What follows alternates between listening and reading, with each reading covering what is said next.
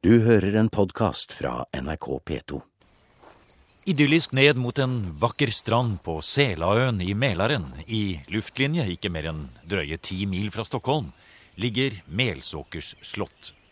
Der har museum vært før. Dette er de rom der norske militærene hadde sin bataljonsekspedisjon. Så Siden 45 har i stort sett ingenting hendt i just de her rommene. De var like skamfilede som de var da, omtrent.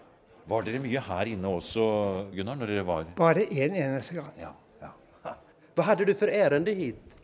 Jeg skulle, Som eh, befalingsmann for en av troppene, så skulle jeg hit og skaffe noen lister over eh, I et program vi sendte i juni i år, fikk vi møte de norske krigsveteranene Gunnar Eikli og Helge Reis Andersen. De var til stede da Melsåker slott og den svenske forfatteren og journalisten Anders Johansson arrangerte en stor utstilling og seminar om den illegale avisen Håndslag, som ble laget i Sverige og sendt over grensen til motstandskampen i Norge under annen verdenskrig. I dag skal vi se litt nærmere på resten av utstillingen på Melsåker slott. Og vi skal også møte den norske sabotøren Hans Petter Styren, som arbeidet sammen med Max Manus, og som nå bor i Sverige. Eh, jeg kom altså til Melsåker når var det? Det var i eh, mai måned i 44. Eh, Men siden så gikk jeg jo tilbake igjen etter at jeg har vært på forskjellige kurser her. Jeg hadde jo vært i aksjon i Oslo med Max Manus og fått treskudd gjennom kroppen, så at jeg var her over og ble reparert litt grann, før jeg ble sendt hjem igjen på forskjellige oppdrag. Men først dette barokkslottet som ligger så vakkert til ved Mælaren, og som nå restaureres og får nytt liv det er ikke bare en del av svensk middelalderhistorie. Det hadde også en gang en viktig plass i norsk historie, sier Anders Johansson. Jajamen, det er det vi forsøker lære nordmennene av i dag. At Melsåker slott har en given plass i Norges krigs- og okkupasjonshistorie. De eh, politisoldater som var her under krigen fra 43 og framåt, de kjente seg tydeligvis ekstra hjemme her, for det her var norsk eiendom.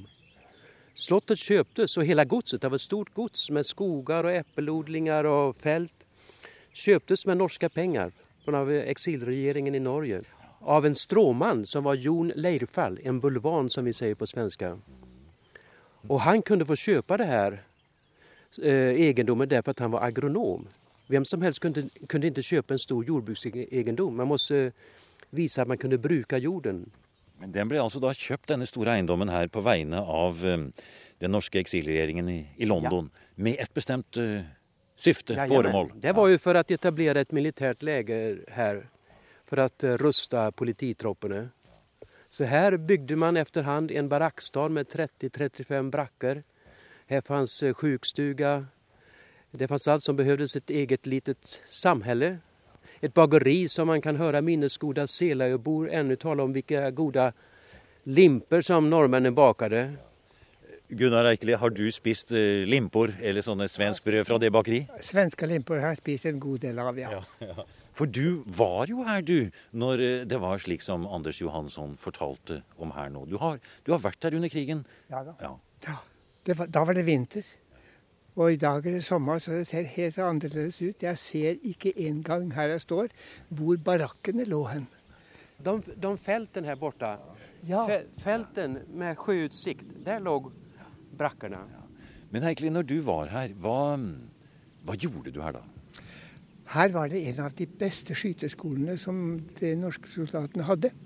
Så skulle man ha skyting og få trenet opp med de forskjellige skytevåpen som infanteriet da hadde, så måtte man til Melsåker. Skal vi gå inn og kikke? Vi kan gå på, fra framsiden, den fine, vakre siden. Ja, ja precis. Hissat den norske flaggen. Ja, ja, det er så flott. Vi ser brygga ut mot Mälaren her. Norske flagget, det svenske flagget ved siden av hverandre. Det er en gave fra Kongelig norsk ambassade i Stockholm. Vi har et veldig godt samarbeid ja. med så vel eh, ambassadør som kulturråd og eh, ikke minst eh, forsvarsattacheen. Legg merke til at den norske flaggen er mye større enn den svenske flaggen der. Ja, og For et vakkert eh, og flott sted vi går inn i her nå. I boken 'Den glemte armeen' har Anders Johansson skildret historien om hvordan flere tusen norske flyktninger i årene 1943 til 45 fikk militær trening i de svenske skogene, bl.a. her på Melsåkers slott. Hele tiden med det for øye at de skulle settes inn under frigjøringen av Norge. Hele denne treningen var hemmelig både i Sverige og Norge, men hadde aktiv støtte av bl.a. Tagerlander og den svenske politisjefen Harry Sødermann. For å ha et tilholdssted kjøpte altså den senere så kjente politikeren Jon Leirfall, som var utdannet agronom, Melsåkers slott på ordre fra den norske eksilregjeringen i London. Og helt fra starten i 1943 bodde Leirfall på slottet, som London-regjeringens representant. Ja, Han var altså den sivile sjefen, kan man si. Han var godseieren. Han skriver om dette i sin uh, memoarbok om hvordan det var å være slottsherre og godseier i Sverige. Og han anvendte seg også av uh, Harry Söderman og Carl för for å åke til Jämtland og kjøpe Uppdraget var å kjøpe tror jag, 1600 hester til polititroppene. Så han var even hesthandlare. Og Senere ble jo, som mange vet i Norge, Jon Leirfall mangeårig stortingsrepresentant ja, for, for Senterpartiet. Just det her det er at om vi begynner her borte, så har vi Harry Söderman. Ja. Ja. Revolver-Harry, ja. svensk utbildningssjef av polititroppene. Og han engasjerer tidlig en ung småländska som var skikkelig stenograf. Og hun het Astrid Lindgren. Så att eh, han eh, anställde Astrid Lindgren som sin sekreterare för att eh, diktera sina böcker i kriminalteknik. Och det var av honom hun lärde sig sina knep om, som hon senare omsatte i böckerna om Kalle Blomkvist. Och hon, hon fikk også jobb via Söderman i vad hon kallade för snuskjobbet. Det var alltså i, den hemliga svenska brevcensuren hade hon som extraknäck under krigen. Så her har vi litt böcker. Dels en bok i kriminalteknik og dels Astrid Lindgrens bok 'Mesterdetektiven Blomkvist', hennes ja. første. Og Astrid Lindgrens storebror og förebild sägs det til Emil i Lønneberga, det var Gunnar Eriksson, svensk bondepolitiker. Og han ble, og Jon Leifald ble veldig gode vänner når Jon Leifald flydde til Sverige. Det var ikke så mange bondepolitikere som flydde, han var en av de få. Och de umgicks veldig mye på du vet, bondestämmor og så her även privat, och skrev sen likartade politiska satirer. Så de måste ha haft ett väldigt eh, trevligt, morsomt utbyte av eh, tankar och inspirerade varandra. Så att Gunnar Eriksson skrev böcker i vikingamiljö från eh, svenska riksdagen. Jaha. Och Leif skrev ja. sina böcker ja. Eh, på sa lite samma maner. Ja, det kan man ja, säga. Såga om Trygves fall. Ja, ja, precis. Ja, så det her har vi fått hjelp av Jon Leifalls eh, båda døtre, Ann-Marie og Gølin Leifall, å få fram bakgrunnsmaterial. Der har vi nummer én. Ole Berg. En av de to store Ole Berg. Øverste befalshaver, ja. General Berg. Husker du han? Ja. ja. Han var försvarsattaché i Stockholm under kriget. Han, han, er minst like viktig som mm. Harry Söderman ja. for at denne opprustningen kom til stand. De var meget gode, to gode venner, dette. Nettopp. Og så er det jo også viktig dette med Tage Erlanders rolle ja. som, eh, som daværende statssekretær, eller litt lenger nede i regjeringsapparatet, visste om alt, men lot det skje uten Han var jo nærmeste mann til sosial- og polisministeren Gustav Møller. Så han var veldig sentral. Og Her handler det om en mann som heter Thomas Sell. Han var altså norsk flyktning nummer 612. Og Etter ham kom jo 60 000 flyktninger. Og han, ganske, han symboliserer den glemte armeen. For jeg tror det drøyde 41, 41 år innan han fikk sin eh, deltakermedalje. Og han var rundt i mange läger, her og Öreryd. Och, det her er fra Älvberget, der han ingick en spesiell styrke som heter HS-bataljonen. Og der mot slutet av kriget så dampte han ned verdifull amerikansk utrustning, ja, både vapen ja, ja. Detta er telt. original det, dropp. Visst, dette vi, fikk vi av honom som present. Og Det var en veldig spesiell märke det her å være med i HS-bataljonen. Den ble til slutt 600 man og kom hjem til eh, Oslo i fredsdagene. Og det første de gjorde, var å overnatte I de her teltene I disse teltene, ved Ullevål. ja. På, på Ullevål, ja. På slettene der istedenfor i polarområdene. Ja, så kan man si. Og han, han avled tyvärr hastigt bare for et par måneder siden. Men her ser vi jo også da, som sagt, hans personlige eiendeler. Hva, hva sier du egentlig? Det er, disse bildene vi ser der, er fra Skålmyra. Ja, En av de fineste leirene som vi hadde. En av de største. Var du der?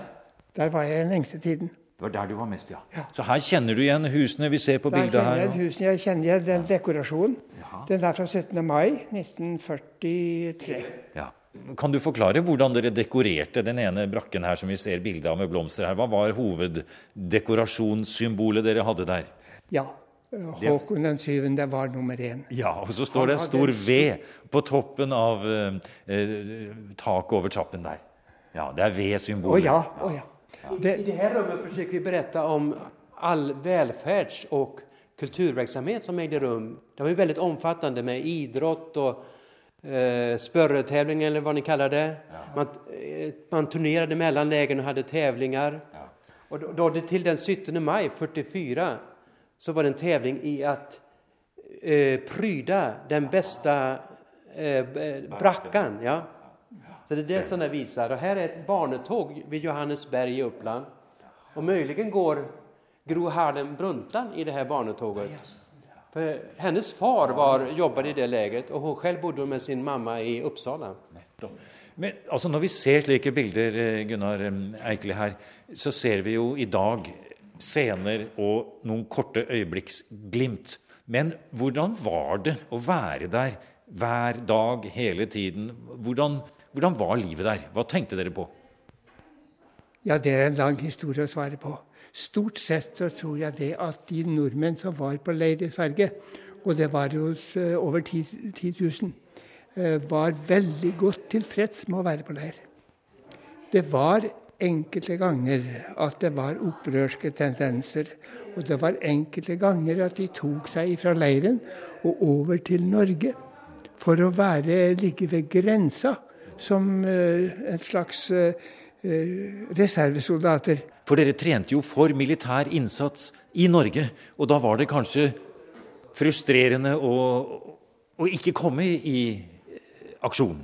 Ja, den tendensen var til stede på flere leirer. Og én leir ble nesten oppløst av den tendensen, fordi at dette var farlig politikk. Dette var ikke i samsvar med det som eh, vi var blitt enige om. Og det gjorde at en leir ble lagt ned for en tid. Og en del av dem som var der på den leiren, kom til andre leirer. Noen kom i vårt kompani. Så det var litt frem og tilbake. Men all over så var det veldig god tilfredshet og god ledelse på de norske leirene i Sverige under krigen. For ditt vedkommende, fikk du bruk for din trening i konkret innsats i Norge? Ja, det er vanskelig å svare på. Vi ble sendt vestover i Finnmark for å komme nærmere tyskerne. Og eh, der hadde vi trening oppe i Karasjok, for tyskerne lå jo borte i Alta.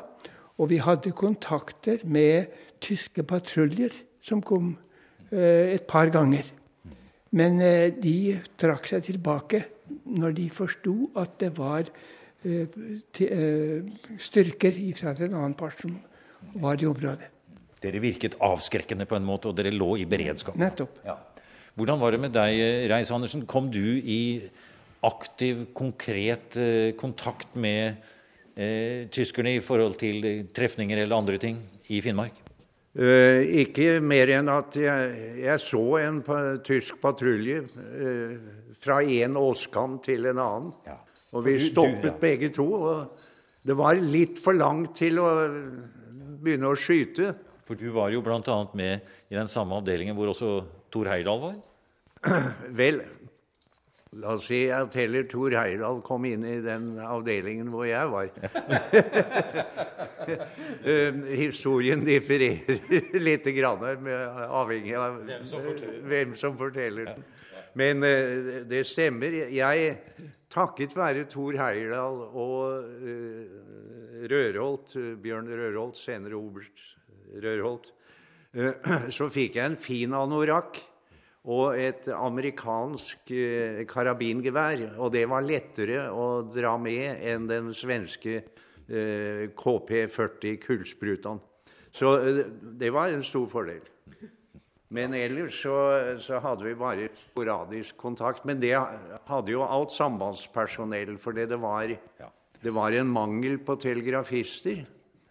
Det kom på slutten av krigen en rekke, men det var altså fire, fem, seks stykker som var spredd over hele Finnmark eh, og rokert til stadighet. Uh, felles for dem var at vi nesten ikke fikk noen forbindelse. For det, var, det var, litt for kaotisk på den andre siden. Men det, det, fungerte. Får jeg berette her om en kvinne som jeg støtte på av en hendelse? Når jeg leste en norsk bok i et helt annet sammenheng. Hun, heter, hun er sikkert kjent for dere, Henriette Bie Lorentzen. Og hun inngikk i distribusjonskjeden av håndslag. Så hun var i Norge hos sin kusin Henrik Groth. Ja. Sjefen for Cappelen. Ja, nettopp. Og vi ser her at hun eh, arbeidet da i Kristiansand. Ja. ja. Så hun frakta bunter av håndslag i sin ryggsekk til Kristiansand. Og båda två åkte fast. Jag greps av Gestapo. Och eh, hon hade ett exemplar gömt i en eh, stolsrygg i sitt hem. Och hon var havande, hon var gravid. och var tvungen att föda sitt barn i fängelset. Men hon fick hjälp av en österrikisk läkare som såg till att barnet togs om hand av hennes anhöriga. Og hun overlevde. Altså Henriette Bie Lorentzen her, hun ble jo sendt til Ravensbrück, står det her, men overlevde også. Ja, ja men, og reddet av de hvite bussene. Jo, hennes mann heter Øyvind, faktisk. Og han lyckades han fly til Sverige og ble lærer i Uppsala, faktisk. Og når vi hadde vårt seminarium her om hvite busser, da var en medfange med til Henriette med. Og, sånn, ja, og det er jo så fantastisk her, eh, Johansson, hvordan, eh, hvordan da Melsåker slott fungerer. For du sier da kom noen av slektningene til de som hadde vært med i Hvite busser. Ja. Her står vi med to norske krigsveteraner her nå, eh, som da kommer hit til de forskjellige eh, Og dere hadde jo ikke truffet hverandre heller, Reis Andersen. Nei, så, så, ikke sant, Det kan jo, fungerer jo på en sånn måte at det er, blir et treffsted på nytt. Altså. Ja. Og på det seminaret hadde vi en svensk som hadde vært sjåfør av en hvit buss. Vi hadde flere som hadde reddats av de eh, hvite bussene osv. Mange av de norske flyktningene som kom over grensen under krigen, bosatte seg fast i Sverige. Hans Petter Styren er en av dem, og han har nå jevnlig kontakt med Melsåker slott, og er en av Anders Johanssons verdifulle kilder. Eh, jeg kom altså til Melsåker når var det? Det var i eh, mai måned i 44. Jeg hadde jo vært eh, i aksjon i Oslo med Max Manus og fått treskudd gjennom kroppen, så jeg var her over og ble reparert litt. Grann, før jeg ble sendt hjem igjen på forskjellige oppdrag. Så jeg var altså med i eh, hjemmestyrkenes sentralledelse som vaktmann når eh, krigen sluttet. da. Men siden så hadde jeg jo vært over i Sverige flere ganger. og og um, i vår familie så har vi mange relasjoner til Sverige. Min mormor var svensk. Så at um, da jeg da siden kunne finne en god plassering i Sverige etter krigen, så ble vi sittende her. Og det er helt klart at min svenske kone hadde litt vanskeligere for å klare seg i Norge. eh, Eikeli eh, og, og Reis Andersen hørte vi fortalte de hadde helt andre type oppdrag under krigen enn det som du nå forteller om.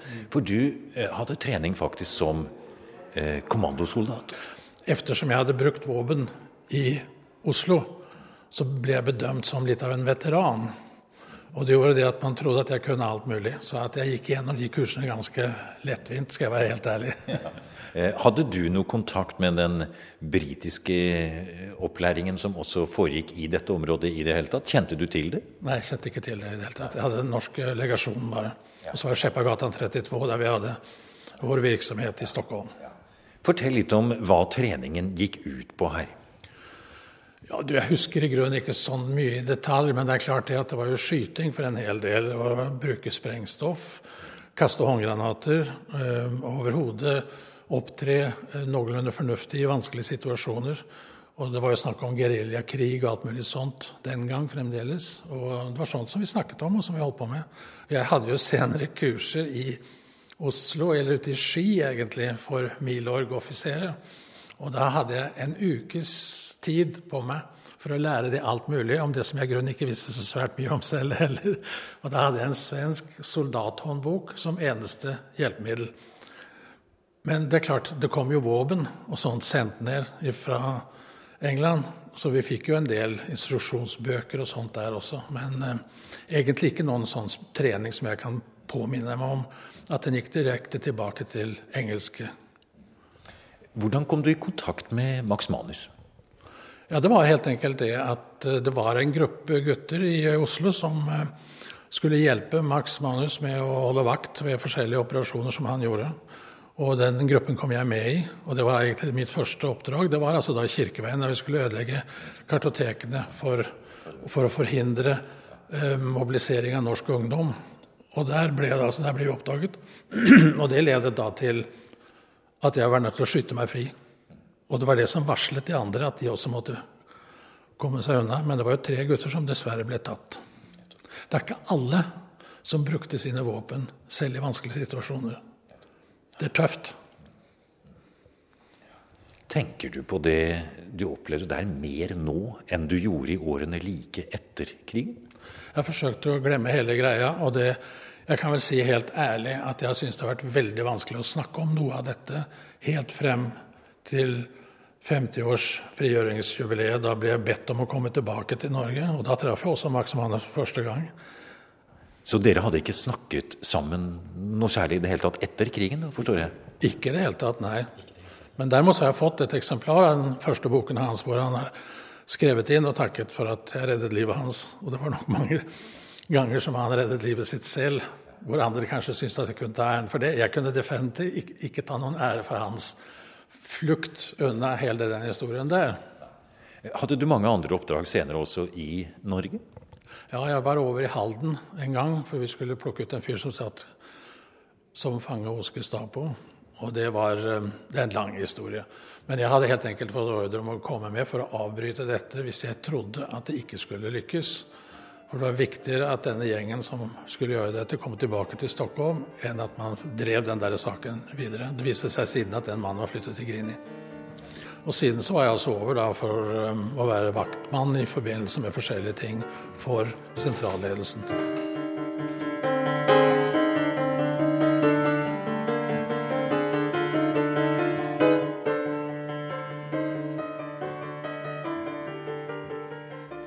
Både Hans Petter Styren og flere tusen andre motstandsmenn hadde melsokker slott ved Mælaren som hemmelig treningssted under krigen. Nå er det 400 år gamle slottet igjen et senter, men denne gangen for flere typer kulturarrangementer. Slottet og eiendommene Jon Leirfall kjøpte under krigen, ble overdratt til den svenske stat noen år etter krigen. Men da var Slottet i en elendig forfatning etter en stor brann i januar 1944. Eh, da hadde presis eh, den bataljon som var her, rest i vei opp norrut just for å settes inn i Finnmark. Två uker før brannen. Men det fanns många olika, eller flera olika militära verksamheter her, så att ungefär 500 norrmän var kvar her på Melsåker. Og det var veldig kaldt, 25-30 grader minus. Så man eldade hårt i slottet, altfor hårt. Så at en skorstenspipa sprakk og vinden overtente, så hele loftet brendes av. I mange år ble Melsåker brukt som lager, og forfallet var stort. Men i de siste årene har det svenske riksantikvarieembetet, Södermanland fylkeskommune og en stor venneforening med mange sponsorer startet en flott restaurering som nå blåser nytt liv i det gamle slottet. Og i den sammenheng er den svensk-norske krigshistorien sentral. Og kanskje er det nå på tide å nyansere dette bildet litt, sier Anders Johansson. Ja, eh, ikke bare svenskene, men også i Norge er vel bilden at, at svenskene var svekfulle og ikke stilte opp for sitt broderfolk. Og det gjelder vel de første krigsårene. Men fra sommeren 43 og framåt så skjedde jo en omsvingning med eh, stort stöd till inte minst då polititroppene. Och det är den bilden, inte en motbild men en kompletterande bild, som vi gärna vill ge här. Och därför finns en basutställning om den glömda armén. Så fjolårets temautställning den står just nu på Voxenåsen, har vandrat vidare dit och kommer i höst till Armémuseum i Stockholm. Och då har vi en ny som handlar om den illegale avisen Håndslag, som tryktes i Stockholm och smugglades till Norge. Men även spreds till till i polititroppernas läger. Den ger sken av att vara avsedd för flyktingar i Sverige, norska flyktingar. Men i verkligheten så var den alltså for för att smugglas till Norge. Så vi berättar om eh, männen och framförallt kvinnorna bakom den avisen och baktanken då är ju att, att eh, påvisa att vad som hände under kriget med hjälp och samarbete mellan Norge och Sverige det har aktualitet även idag. Då det gäller att eh, eh, diskutera, sprida kunskap och bilda opinion om flykting och främlingfrågor. Och det kan vi göra då med Melsåker som plattform tycker vi. Du har hørt en podkast fra NRK P2.